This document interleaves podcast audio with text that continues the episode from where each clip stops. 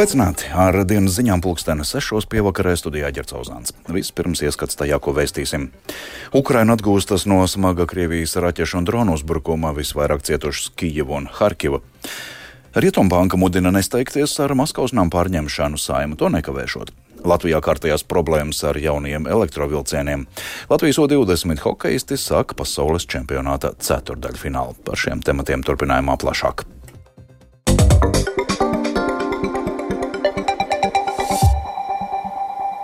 Ukraina šodien piedzīvojusi kārtējo smago Krievijas raķešu un dronu uzbrukumu. Vissmagāk cietis Kīivas, Solomjanskas rajons un arī Harkiva valsts rietumos. Kā Ukrainas galvaspilsēta atgūsts no smagā uzbrukuma, stāsta Latvijas radio korespondenta Ukrainā Indra Sprānce. Glābšanas dienests strādā pilnā sparā, mēģinot sakopt izpostītās vietas. Kopumā Kīivas debesīs šorīt notriekta 61 raķeta un atlūzas kritušas dažādos rajonos pilsētā un trāpot ļoti dažādiem objektiem, bet pamatā tā ir civilā infrastruktūra, dzīvojamās mājas. Galvaspilsētā un Kīivas apgabalā ir nogalināti trīs iedzīvotāji, vairāki desmit ievainoti. Šodien apmeklēju Solomjānskas rajonu, kas ļoti smagi šorīt tika skārts. Tur ir cietis arī deviņu stāvu nams ar vairāk nekā 300 dzīvokļiem un atrodas patiešām šausmīgā stāvoklī. Pie ēkas joprojām strādā drošības dienesti. Es apkopoju cilvēku stāstīto. Bija ļoti spēcīgs sprādziens. Mēs bijām patvērtnē, autostāvvietā, un vārti pat atvērās, un mana sieva uzreiz sāka zvanīt. Mēs kādreiz vakar tikāmies, un draudzene rakstīja mums, viņa tagad ir slimnīcā.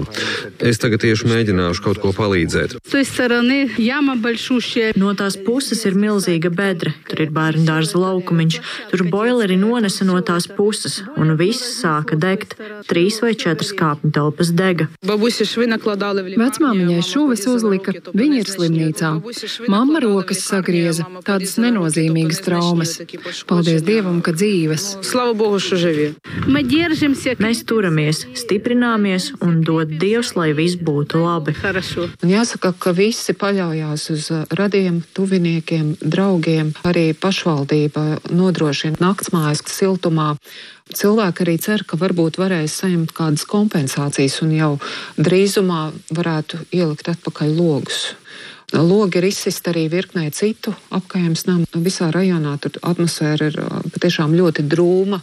Uz ielas var redzēt daudz raudošu cilvēku. Ir redzami cilvēki, kas steidzas ar šīm finiera plāksnēm, lai mēģinātu aizsist logus. Tur ir arī ūdensvads plīsis. Tiek darīts viss iespējamais, lai pēc iespējas ātrāk rastu civilizētu risinājumu. Un jāsaka, Kīvā jau šobrīd ir sals un naktī ir gaidām arī mīnus seši. Tas ir daudz šeit. Patiešām ir ļoti grūti brīži brīži šobrīd Kīvas iedzīvotājiem. Postījuma novēršana turpinās arī Ukrainas otrā lielākajā pilsētā Harkivā, kas arī šodien ļoti smagi cieta. Atgādināšu, ka Krievija šonakt un šorīt uz Ukrainu raidījis 99 dažādu tipu raķetes, un 72 no tām Ukraiņiem izdevās notriekt. Vismaz 48 cilvēki gājuši bojā, bet simtiem pazuduši bez vēsts pēc vakar notikušās spēcīgās zemestrīces Japānas rietumos. Plašo postījumu dēļ ir apgrūtināti glābšanas un meklēšanas darbi, bet varas iestādes brīdina par iespējamiem spēcīgiem pēcgrūdieniem, tāpēc iedzīvotājs aicina evakuēties uz drošākiem rajoniem. Plašāks tās Tuldas ķezbērs. 7,6 magnitūdas spēcīgā zemestrīce un tai sekojošie pēcgrūdieni vissmagāk skāra Isikavas prefektūru Japānas rietumu piekrastē. Zemestrīce sagrāva simtiem ēku, zem kurām varētu būt aprakts liels daudzums cilvēku, jo vakar daudzi atradās mājās un atzīmēja jaunā gada iestāšanos. Zemestrīcē vissmagāk ir cietušas klusā okeāna piekrastes pilsētas Vadzīma, kur sagruva 25 ēkas, bet vēl vairāk nekā 200 pārņēma liesmas, un Suzu, kuras mērs stihijas sekas aprakstīja kā katastrofālas. No zemestrīces skartajiem rajoniem Isikavas un arī kaimiņos esošajā Tojamas prefektūrā ir evakuēti 57 tūkstoši cilvēku, bet vairāk nekā 30 tūkstoši mājasaimniecību ir palikušas bez elektrības. Daudzās pilsētās ir pārtraukta arī ūdens padeve. Isikavas prefektūrā dzīve faktiski ir paralizēta, jo vairums vilcienu, prāmju un lidmašīnu reisi ir atcelti. Atkārtoties spēcīgie grūdieni, kā arī bloķētie un sabojātie ceļi nopietni kavēja glābšanas un meklēšanas darbus. Japānas premjerministrs Fumio Kishida sacīja, ka tikai tagad varas iestādes apjauš patiesos zemestrīces seku apmērus. Esmu saņēmis ziņojumus, ka ir apstiprināti ļoti lieli postījumi, tostarp daudzi cilvēku upuri, sagrauts sēkas un ugunsgrēki. Katastrofas upuru dzīvības glābšana ir sacensība ar laiku. Bloķētie ceļi ārkārtīgi sarežģīja iespēju piekļūt visvairāk cietušajiem rajoniem. Glābšanas darbos ir iesaistījušies tūkstotis pašaizsardzības spēku karavīri.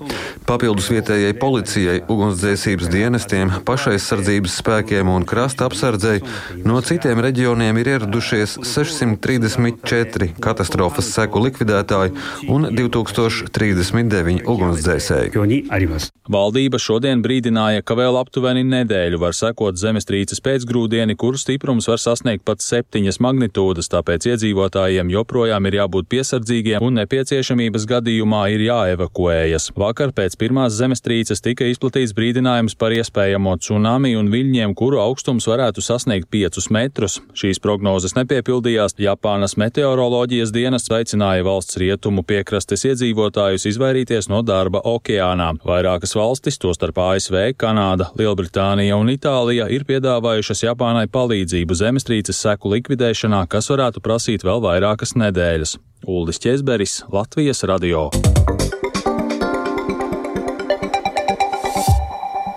Pirms desmit gadiem, 2014. gada 1. janvārī, Latvija ieviesa eiro. Tobrīd jau desmit gadus Latvija bija Eiropas Savienības dalībvalsts. Tolaik vairākums, jeb 83% Latvijas iedzīvotāju atbalstīja Latu pāreju uz eiro. Pētījuma centrs Norstats sadarbībā ar sabiedrisko mediju portālu LSMLV decembrī veic iedzīvotāju aptauju, kurā pāreju uz eiro par labu lēmumu uzskata vairs tikai 51% Latvijas iedzīvotāju. Ekonomists un uzņēmējs Jānis Ošlējs pirms desmit gadiem bija pret eiro ieviešanu, jo tas bremzēšot rūpniecības attīstību, pieaugšot cenas, līdz ar to pašizmaksu un mazināsies mūsu konkurētspēja. Tagad Ošlējs saskata eiro ieviešanas sekas.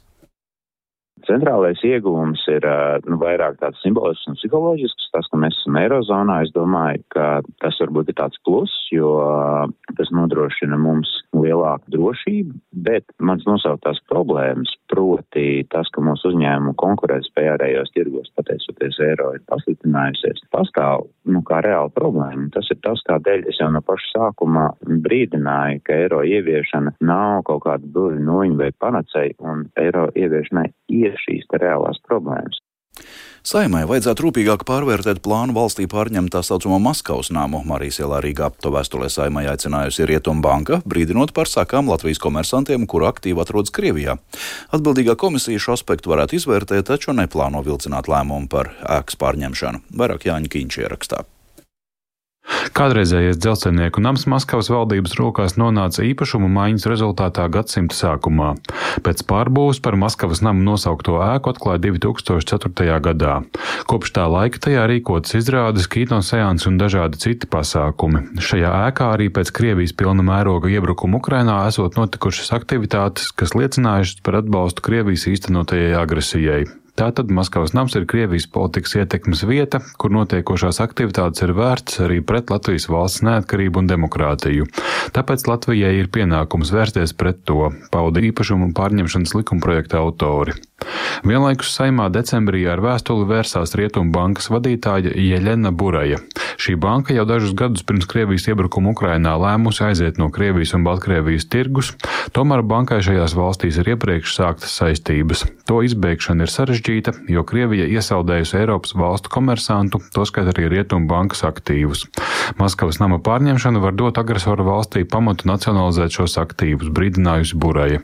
Vēstulē minētos Rietumu bankas apsvērumus saimā varētu izvērtēt, taču likumprojekta virzība nebūtu jākavē. Tā, paužot savu personīgo viedokli, Latvijas radio norādīja saimnes aizsardzības, iekšlietu un korupcijas novēršanas komisijas sekretārs deputāts Jānis Krasniņš no jaunās vienotības. Savukārt likumprojekta izstrādātāju saimnes Saeimas Nacionālās drošības komisijas priekšsādātāja vietnieks Jānis Dombrava no Nacionālās apvienības vērtē, ka Rietumbankas vēstulē lasāmais nevar būt par iemeslu saimai jau kā kavēties ar Maskavas nama pārņemšanu.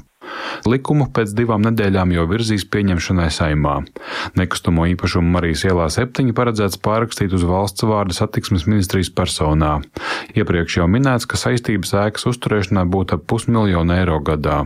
Konkrētāki scenāriji par šī nama turpmāku izmantošanu valdībai ziņojumā saimai būs jāiesniedz līdz 31. martam. Iepriekš jau izskanēs, ka šo ēku varētu izmantot Ukrainas vajadzībām. Jānis Kincis, Latvijas radio. Ar jaunajiem elektrovilcieniem atkal radušās problēmas. Šorīt līnijā Rīgas kulte vilcieni kavēja līdz pat trim stundām, bet daudz reiz bija atcelti. Iemesls - virzienā uz Rīgu salūza jaunais elektrovilciens. Uz darbu un citur cilvēki kavēja aptuveni trīs stundas, un Latvijas radio uzrunāti neslēpa sašutumu. Slikti tas, ka ne, pat sabiedriskais neiet. Autobus tikai 11. tagad būs. Nu, nu, kā lai tiek? Nu, diezgan smieklīgi. Forši tā jauno vilcienu palaiž. Pirmo reizi es būtu braucis ar jauno vilcienu, bet laikam ies garām kaut kā. Priekš kam tāda miskastu vajadzīga? Labāk vecs, kas brauc, nevis. Nu, ko es tur varu pateikt? Kad 6.29. iekāpu vilcienā un joprojām neesmu tikus uz darbu, nu, briesmīgi. No kurienes jūs braucat? No saukrastiem. Speciāli ātrāk braucu, domāju, nākamā, bet ne speciāli braucu ātrāk, lai paspētu uz darbu. Protams, ļoti tas ir traki. Neviens neko neteica, informācija no nekāda nav. Nu, 21. gadsimts, es domāju, ka nu, ja šāda situācija ļoti ātri varēja reaģēt un organizēt autobusus, nokļūt cilvēkiem uz darbu. Dzirdēju vienam vīrietim uz operāciju bija pieraksts. Un steidzās, jā. Nu, nebija informācijas, arī joprojām mēs jau gaidām. Varbūt kaut ko konduktori teica. Ļoti novēloti. Tad, kad šeit jau stāvējām garcēmā, bija dīvaini tas, ka iekāpjot sauku stacijā, viņš bija tumšs un uh, ielaida mūs ar nokavēšanos 32. Un tad garcēmā vienkārši viss apdz, nu, apdzīs tumšu. un Tad tikai mums pēc laika pateica, kas notiek, kad tālāk risinās situācija. Bet nu, cik jau pulkstenis ir? Uzņēmums pasažieru vilciens neuzskata, ka tehnikas darbība būtu ietekmējusi sals. Uzņēmuma pārstāvs Sigits Zviedra aizbildinās, ka problēmas ar jaunajiem vilcieniem esot ierasta lieta. Citu ražotāju sastāviem problēmas esot novērotas arī kaimiņu valstīs. Latvijā ar uzņēmumu Škoda vilcieniem problēmas novērotas pieciem no kopumā 11 sastāviem. Satiksmes ministrs Kaspars Briškans no progresīvajiem platformā Twitter norādīja, ka rīt tiksies ar Škoda vagonku vadību, lai prasītu paskaidrojumu par atklātajiem defektiem. Un vilcienu pamatīgi kavējas arī Somijā un Zviedrijas ziemeļos. Lielais sals, kas dažviet Somijā pārsniedz mīnus 37 grādus, bet Zviedrijas ziemeļos pat mīnus 40, rada dažādas tehniskas problēmas un palēnina vilcienu kustību. Citvieta ziemeļos sniegu un vēja dēļ ietekmēt arī automašīnu kustību uz atsevišķiem lielceļiem un tiltiem.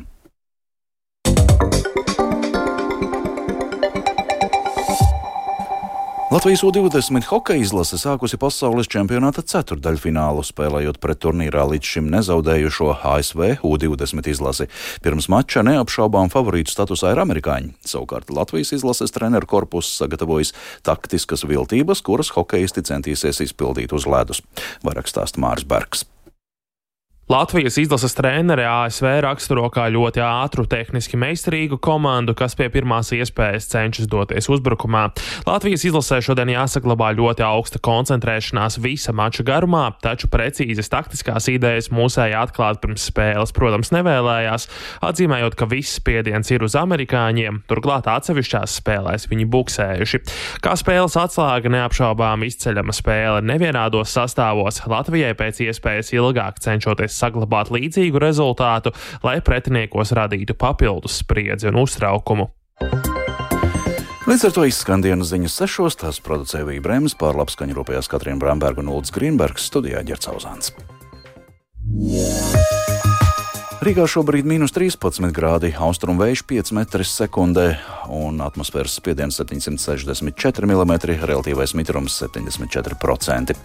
Sinoptiķi brīdina, ka rīta gaisa temperatūra Latvijā būs vēl par kādu grādu zemāka nekā šodien, turklāt pastiprināsies vējš, kas augstumu padarīs nepatīkamāku. Nakts vidū ziemeļaustrumu rajonos gaidāms stiprs sals, mīnus 20, mīnus 23 grādi, bet vairāk par gaidāmiem laikapstākļiem stāsta Toms Brīcis. Stiprs kails salas Latvijā saglabāsies visu nedēļu. Nedēļas otrajā pusē brīžiem gan nedaudz sniks, tomēr tikai valsts centrālajā un austrumu daļā veidosies 1 līdz 3 cm svaiga sniega kārtiņa, kas augus no sala daudz neglābs. Minimālā temperatūra šīs nedēļas naktīs pārsvarā - minus 12, minus 17 grādi, vietām vidzemē līdz minus 20, minus 23 grādiem, savukārt kurzemes piekrastē siltāks - minus 7, minus 11 grādi, un dienās temperatūra būs tikai par dažiem grādiem augstāka. Valdošie brāzmaini ziemeļaustrumu austrumu vēji, īpaši trešdien ziemeļkurzemes piekrastē līdz 20-22 metriem sekundē. Nedēļas nogalē vējš kļūs lēnāks, siltāks laiks Latvijā ieradīsies neagrāk kā nākamās nedēļas pirmajā pusē vai vidū.